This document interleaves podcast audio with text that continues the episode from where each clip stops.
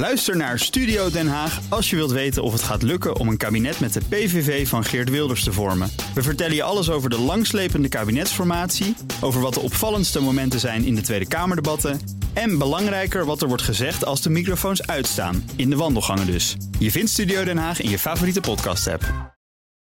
Ik zag mensen met stapels lopen, werkelijk. De laatste keer dat ik dat zag was bij uh, het verschijnen van de laatste Stones LP. Dit is net zoiets, maar dan zeg maar op geopolitiek terrein. Boekenstein en de Wijk voorspellen de toekomst. Alle ellende in de wereld bij elkaar en hoe het verder moet. Koop dat boek. Je kunt ermee opscheppen en gaan je vrienden hoe erudiet je bent. Ik heb het zelf ook gekocht.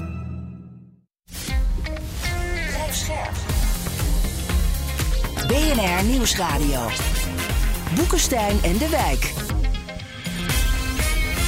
Hugo Reitsma. Welkom bij Boekenstein en de Wijk. Het is woensdag, dag 679 van de oorlog in Oekraïne. En Rob, jij hebt, als het goed is, de situatie op de grond in de smiezen. Ja, nou ja, het is hetzelfde beeld. Uh, Rusland is eigenlijk overal in het offensief. Uh, in de Luhansk uh, Oblast, dat geldt, geldt ook voor um, Donetsk. Dus in Luhansk zijn ze bij Statova en Kremina in het offensief. En daar hebben ze enig terrein geboekt. Donetsk, rond Bakhmut, Avdivka en ten zuidwesten van de stad Donetsk. dan ga je verder naar het, ehm, het westen en dan kom je in het grensgebied van de, de oblasten Donetsk en Zaporizhia. Daar gebeurt eigenlijk niks. Ik bedoel, er wordt wel hard gevochten, maar geen terreinwinst van beide partijen.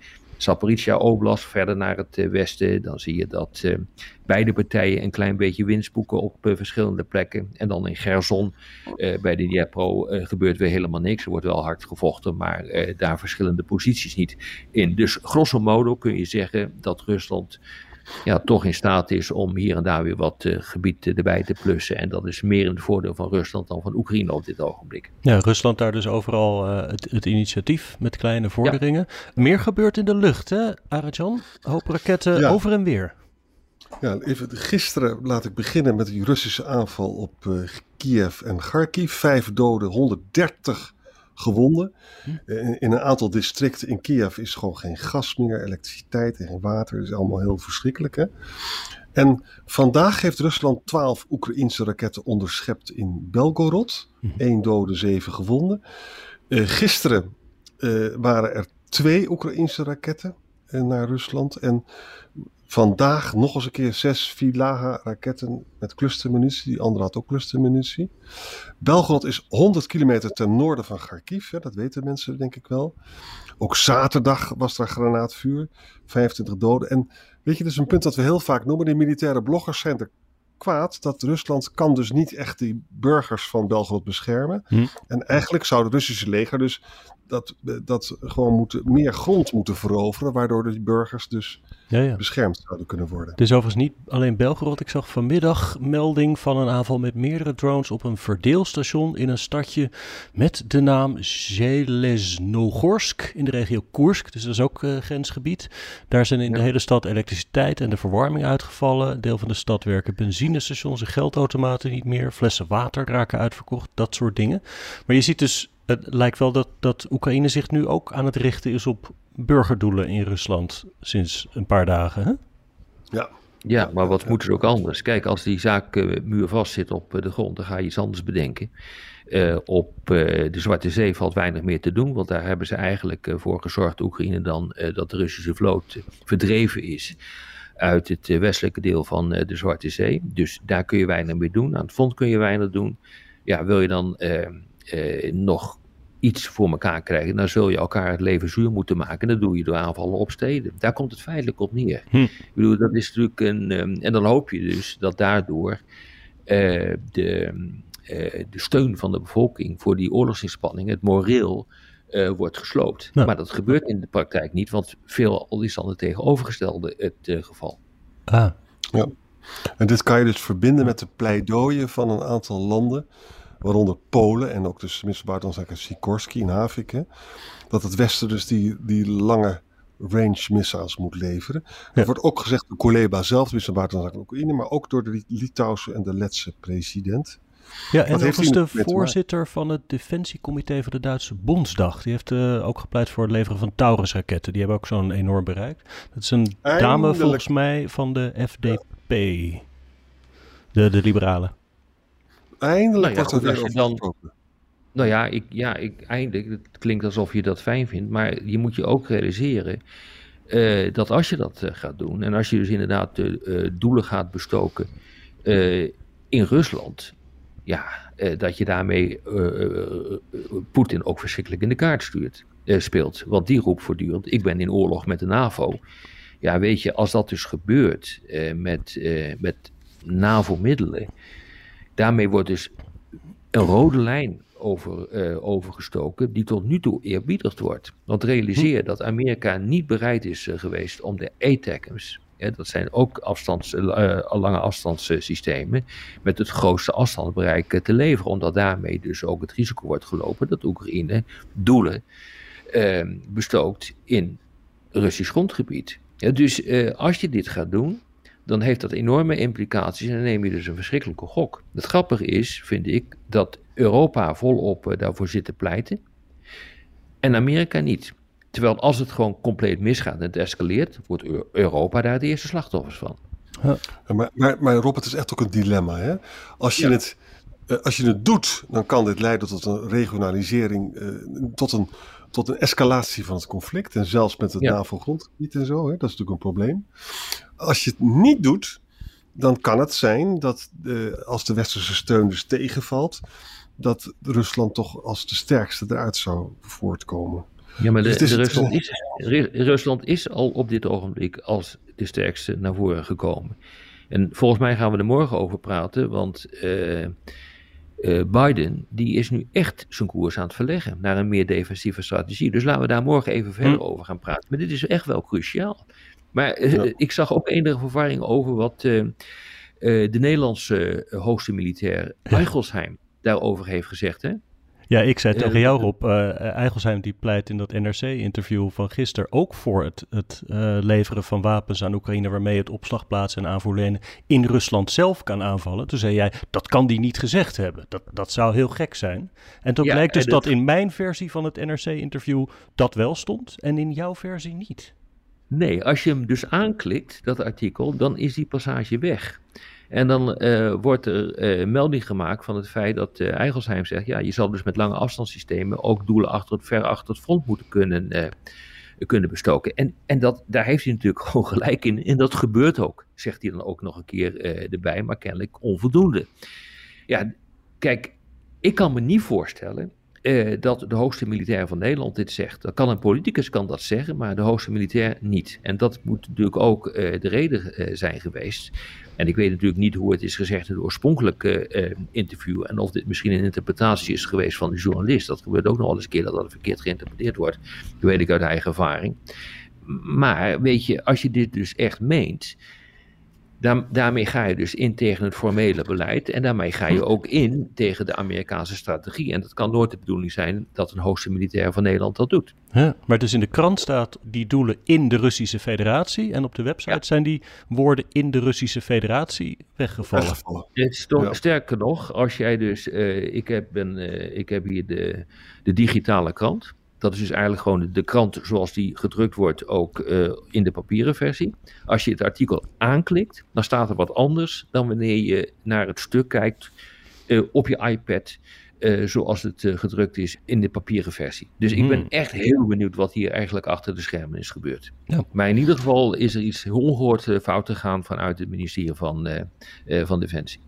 Ja, of van Maar onze krant. Maar ja. Maar als je praat over aanvoerlijnen en lanceerinstallaties, dan kan dat dus zowel in de Donetsk zijn, wat overigens volgens Poetin ook al de Russische federatie is, maar het kan ook de Russische federatie zijn. Dus het blijft dan toch een beetje ambigu eh, in beide versies. En zo. Ja, ja, ja. ja. zoals het, zoals het op, zoals het op eh, de, de, de tweede versie, eh, waarin niet de Russische federatie je noemt, dat is, eh, vind ik, de versie die acceptabel is. Maar de eerste is gewoon politiek, denk ik, op dit ogenblik voor een militair niet echt acceptabel. Zou het wel Nou, kunnen ja. dat, want je ziet dus die Koleba en die Poolse minister en ook uit de Bondsdag, dat is allemaal in reactie op die grote aanvallen van Rusland van rond de jaarwisseling, dat die, Ja, die ja. discussie over het leveren van langere afstandwapens weer wordt opgerakeld. Zou het kunnen Ja. dat dat de, de doorslag gaat geven van, ja, dan moeten we toch een stap verder gaan? Nou, het is een reactie op het feit dat het gewoon niet goed gaat aan het front. En dan krijg je dus dit soort eh, geroep.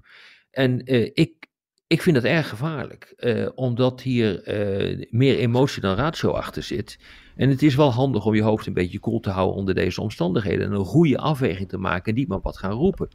En uh, goed, ik, ik ken een aantal van die mensen. En ik heb ook zeker met Sikorski en zo gesproken. Volgende week zit ik in Litouwen, dus dan zal het daar ook over gaan. Maar ja, weet je ehm, ik heb ook gemerkt dat er een hoop emotie zit. En dat is niet echt verstandig hoor op dit ogenblik. Hm. Maar Rob, is er misschien ook nog een andere factor die ik ter plekke zit te bedenken. Kijk, Amerika, Biden kan met zijn eigen fonds nog kleine dingetjes doen, om het zo maar te zeggen. Want de Republikeinen hm. houden het vast. Hè? Zou hij kunnen besluiten, ja, ik kan zo weinig nog maar leveren omdat de zaak opdroogt. Dan ga ik toch maar wat ATACMS doen? Zou dat kunnen? Nee, want als je niks kan leveren, eh, dan ga je zeker niet het risico lopen van een nog grotere oorlog in Europa. Dat doe je natuurlijk niet. Dat is gewoon irrationeel. Dus en, en, Biden, nou is, eh, is, hij tegen. Ik bedoel, je hoeft niet echt een genie te zijn om uh, te bedenken dat zowel Europa als Amerika uh, niet geprepareerd zijn voor een grote oorlog in Europa. Uh, dat kun je wel doen, maar dan wordt het onmiddellijk een kernwapenoorlog. Dus dat is gewoon wat je niet doet. Dit is gewoon niet rationeel wat hier gebeurt. Hm. Als tenminste uh, uh, Biden zou doen wat je suggereert. Nou, Biden is gewoon hartstikke tegen, altijd tegen geweest. Hè? Sikorski heeft, heeft die raketten niet in de aanbieding. Polen heeft die raketten niet voor. Uh, um, de, Bal, de Balkan, die, die, sorry, de Baltische staten ook niet. Het enige die dat kan is die Taurus, die Duitse Taurus. Maar dat zegt alleen maar een FDP-dame. En dat zegt dus niet uh, iemand als die Merz of zo. Uh, nee, nou dus ja, goed, weet je, ik, het feit dat wij het er nu over hebben, toont gewoon aan, A, hoe de situatie op het front is, namelijk niet goed. B, eh, dat kennelijk de perceptie bestaat dat Rusland eh, een overwicht heeft. Nou, ik, dat hebben ze ook, maar ze kunnen volgens mij niet winnen. Maar Oekraïne kan ook niet verliezen, omdat de zaak gewoon vastzit. Ze komen ook militair op de grond niet veel verder, de Russen. Uh, vandaar ook uh, die grote aanvallen die we continu uh, zien. En, en drie, ja, als je het wel gaat doen, dan ontstaat er een situatie waarin de escalatie in Europa zo ontzettend groot zou kunnen gaan worden, dat je dat ook niet wil. Hm. Dus je Daar... aan alle kanten zit je, zit, je, zit je gewoon klem in deze discussie. Daarover gesproken, de, de, directe strijd tussen Rusland en het Westen, dat is ook de manier waarop Poetin bij zijn wat was het, bezoek aan een ziekenhuis geloof ik, hè, eergisteren opnieuw het conflict aan het duiden was. Exact. Hij probeert dus op dit ogenblik, maar dat deed hij eigenlijk ook al in het begin, maar het wordt steeds sterker, te zeggen van het gaat niet om Oekraïne, maar ik ben in oorlog met het Westen. Wij zelf hebben dat nog niet helemaal in de gaten, dat hij in het, uh, met ons in oorlog is, maar hij zelf vindt van wel. Dat kan uh, dan twee betekenen, dat je dit zo, uh, zo doet. in de eerste plaats kan dit gaan betekenen dat uh, Poetin uiteindelijk wil gaan onderhandelen, maar over de rug van Oekraïne heen met het Westen. Hmm. En dan gaat het helemaal niet meer over de vraag van uh, wat er dan met Oekraïne gaat uh, gebeuren. Maar dan is de vraag aan de orde ehm, of dat land wel of niet neutraal moet, moet worden. En dan moet je teruggrijpen op wat hij in december heeft, 21 heeft gedaan. Toen heeft hij twee ontwerpovereenkomsten gestuurd. één naar het Witte Huis en één naar het NAVO-hoofdkwartier. En daar heeft hij gezegd, ik wil een neutrale bufferzone. Dus dan zou dat het doel kunnen zijn. Hij kan ook zeggen, uh, en die, die, beide argumenten sluiten elkaar zeker niet uit. Uh, ik ben met het Westen in oorlog om uiteindelijk een, een volledige mobilisatie mogelijk te maken. Dat kan. en, maar beide argumenten die sluiten elkaar niet uit. En dat betekent dus dat wij ons echt moeten gaan prepareren op een totaal nieuwe situatie in 2024. Hmm. ik denk ook dat de verkiezingen een rol spelen.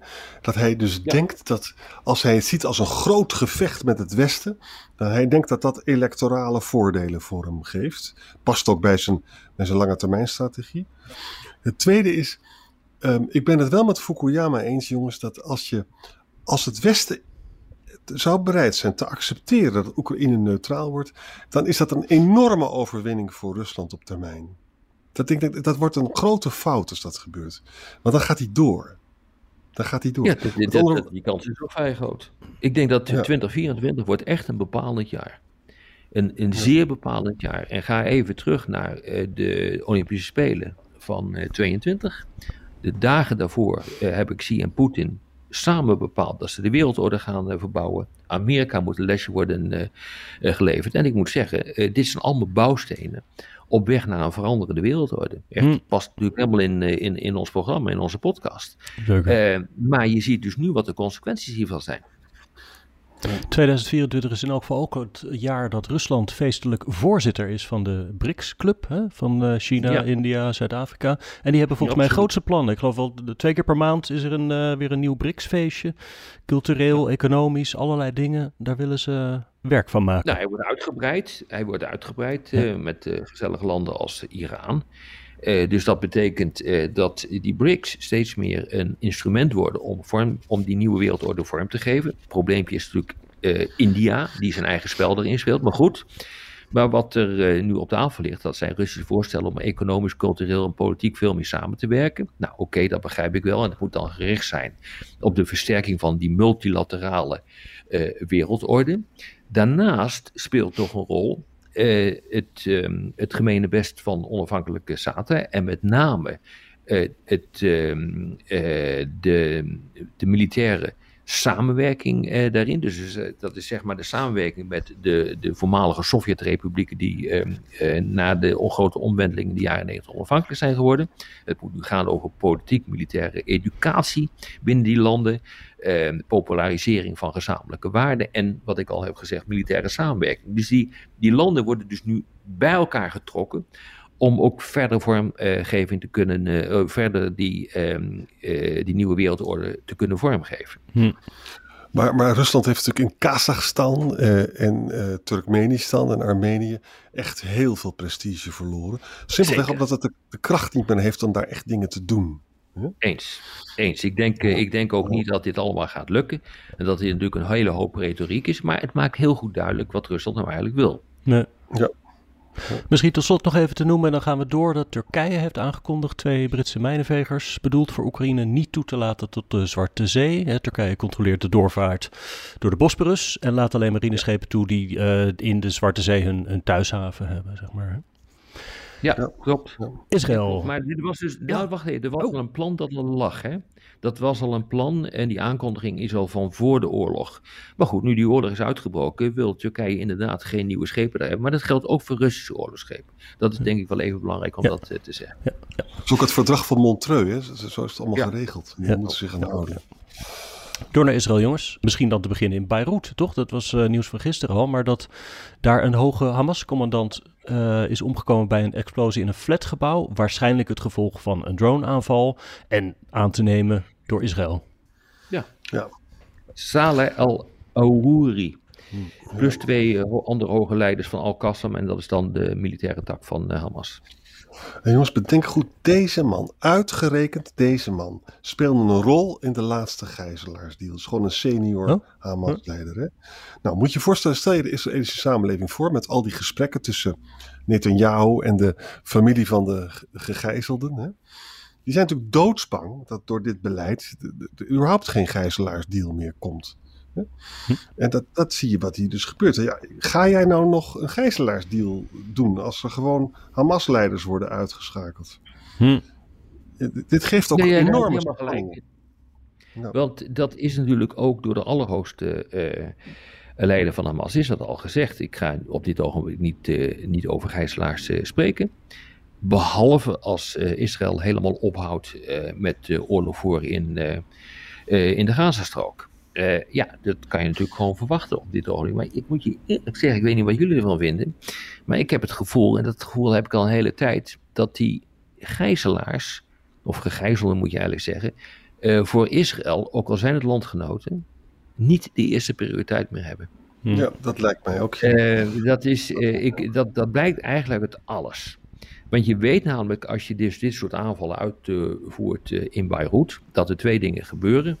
Uh, het werkt de escalatie verder in de hand. Hm. Uh, de premier van uh, Mikati van, van Libanon, die heeft al gezegd, ik, dit is een schending van mijn soevereiniteit. En dat is natuurlijk ook zo. En ik leg dat voor aan de Veiligheidsraad in, in New York. Dus dat moet hij vooral doen. Maar dat wordt natuurlijk toch allemaal gevetood. Maar goed, dat gaat allemaal gebeuren. Uh, en uh, tegelijkertijd zie je dat Iran zegt van ja, maar dit pikken we niet en dit is alleen maar een motivatie voor de as van verzet om verder te gaan. ja, je, je, weet gewoon dat als dit soort dingen gebeuren, dat dan de mogelijkheden om hier een eind aan te breien alleen maar kleiner worden. En als je het bekijkt vanuit het perspectief van Biden, Biden was constant bezig met die gijzelaarsdeal. Dat hij wilde dat doen. Nou, dat is dus eigenlijk door Israëlisch beleid is dat de nek omgedraaid. Hè? Ja. Nou, het tweede is ook dat gedonder in de Rode Zee, waar iedereen een hoge economische prijs voor betaalt.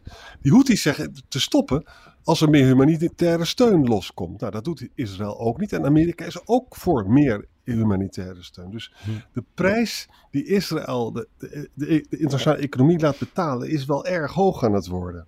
En de relatie maar er is maar één punt voor, uh, maar er is echt maar één punt hoor voor Israël, vind ik. En dat is gewoon het eigen belang. Dus de eigen veiligheid. En dan kan ik me over voorstellen. Uh, want die zien natuurlijk gewoon wat daar gebeurt. En dat is onder leiding van Iran. Al die, uh, die strijdgroepen in de omringende landen in stelling worden gebracht om de strijd op te voeren tegen, tegen Israël. En daar zal dus een eind aan moeten worden gemaakt in de ogen van, uh, van Israël. En ik denk dat Israël gewoon de allerhoogste prijs uh, bereid is om te betalen. Zelfs als het betekent dat uh, de steun van Amerika gewoon wordt opgeschort.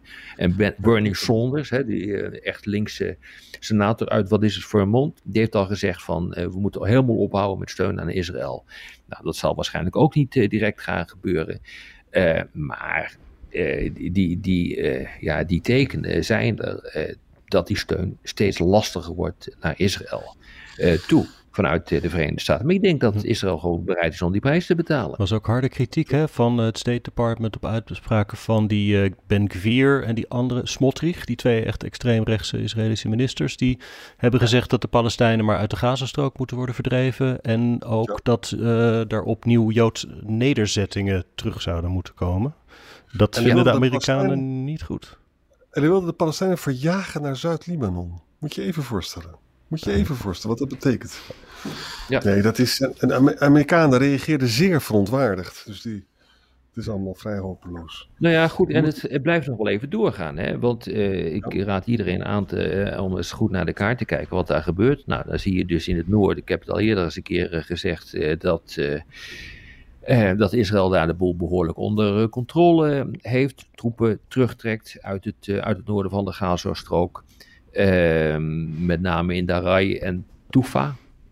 dat zijn twee, twee, twee plaatsjes zeg maar, in het noorden. Twee, in, in, een aantal gevallen zijn het zelfs ook buitenwijken van Gazastad.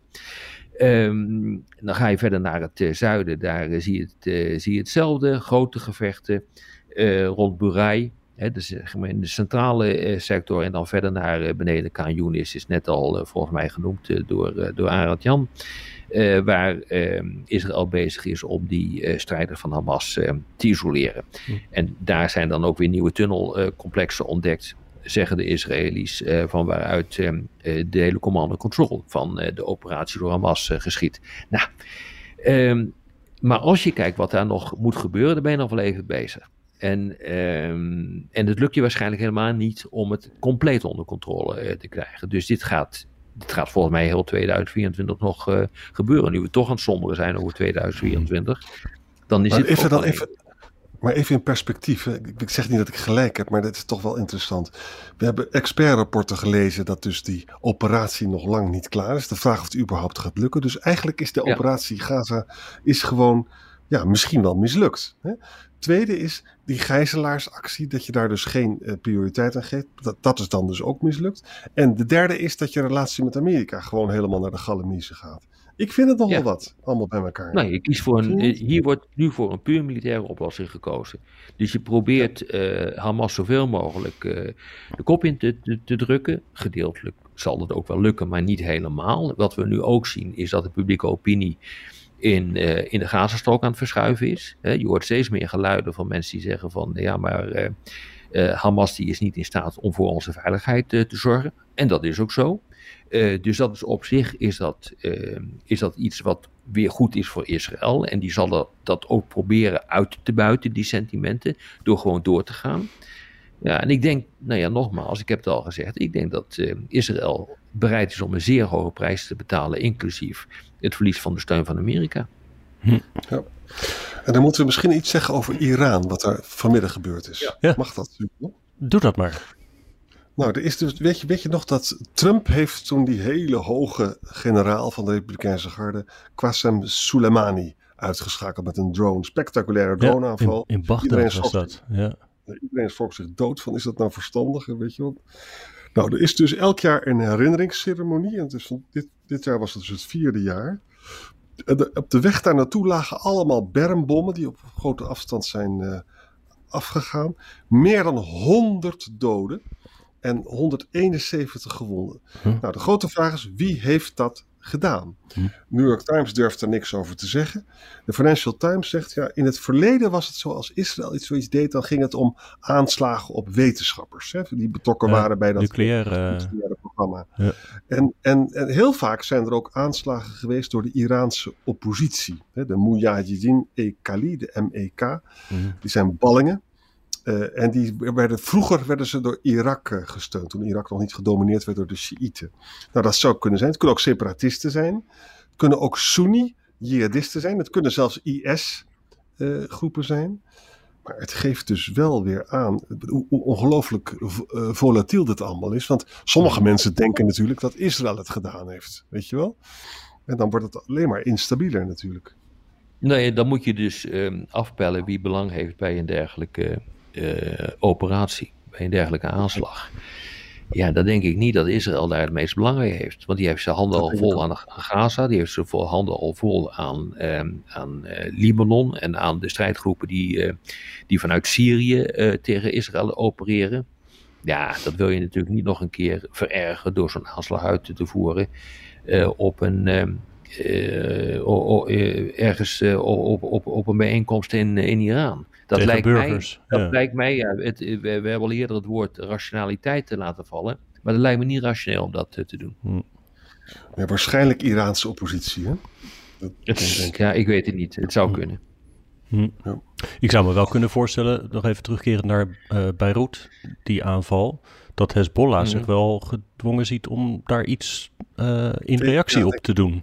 Ook zeker. Maar wat zou je nog kunnen doen? Dat zou je nog kunnen doen. Dat is het hele punt. Uh, wat zou je nou kunnen bedenken, terwijl je dus, uh, hoe, hoe, je het went of keert, uh, toch ook militair redelijk bent, bent aangepakt, om, om, dan een betekenisvolle aanval te kunnen lanceren. Dat kan alleen, volgens mij, als zij, uh, de, als zij Hezbollah, Hezbollah in uh, Libanon voor een karretje weten te spannen en die het vuile werk uh, te laten opknappen. Dat zou de enige mogelijkheid zijn die ik op dit ogenblik zie. En die hebben een hoop Iraanse raketten klaarstaan. Zo dat zijn hele, hele goede raketten. Kennelijk voelt Israël zich zo zeker van zijn zaak dat ze daar dus een, een, een Hamas-leider durven uit te schakelen in Beirut en niet bang zijn dat die uh, precisie-Iraanse raketten worden afgeschoten. Dit is toch, dat, is toch merkwaardig? Dat zou kunnen. Ik, die, die, die afweging moeten ze hebben gemaakt. Ik bedoel, zo irrationeel zijn ze dan ook weer niet. Uh, die afweging moeten ze hebben gemaakt. Dus de kostenbatenanalyse die ze maken in het, uh, in het kabinet en in de generale staf van, van Israël. En kennelijk zeg maar, nou, dat is, ja, de, hier, gaan, hier zijn de baten groter dan de kosten. Ja. En misschien heeft Iran wat tegen Hezbollah gezegd: wij kunnen nu geen oorlog met uh, Israël veroorloven. Hm. En doe het maar en, en, matig je. Ik weet het niet hoor. Ik weet het niet. Hm. Maar ik vind het nogal opmerkelijk dat Israël dat aandurft. Zonder bang te zijn voor escalatie. Nou ja, tenzij ze die escalatie willen. Want ze hebben toch ook eerder gezegd, zo'n generaal, van ja, zoals het nu is in Zuid-Libanon, kunnen we het niet laten doorgaan. Dus er zal daar iets moeten gebeuren. Oh, je hebt gelijk. Ik zal me niet verbazen. Ja. ja. Galland wilde gelijk erop losslaan. En toen heeft Biden heeft dat voorkomen. Biden ik heeft gezegd, dat mag niet doen. Ja, ik heb het gevoel dat als uh, de klus geklaard is, geheel of gedeeltelijk in Gaza, dat de volgende klus uh, Zuid-Libanon wordt. Zou me niet verbazen.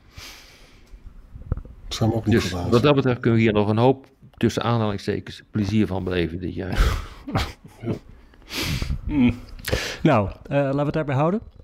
Ja. Tot morgen. Tot morgen. Ook Thomas van Zeil vind je in de BNR-app. Je kunt live naar mij luisteren in Zaken doen. De BNR-app met breaking news, het laatste zakelijke nieuws... en je vindt er alle BNR-podcasts, bijvoorbeeld Het Nieuwe Geld. Download nu de gratis BNR-app en blijf scherp.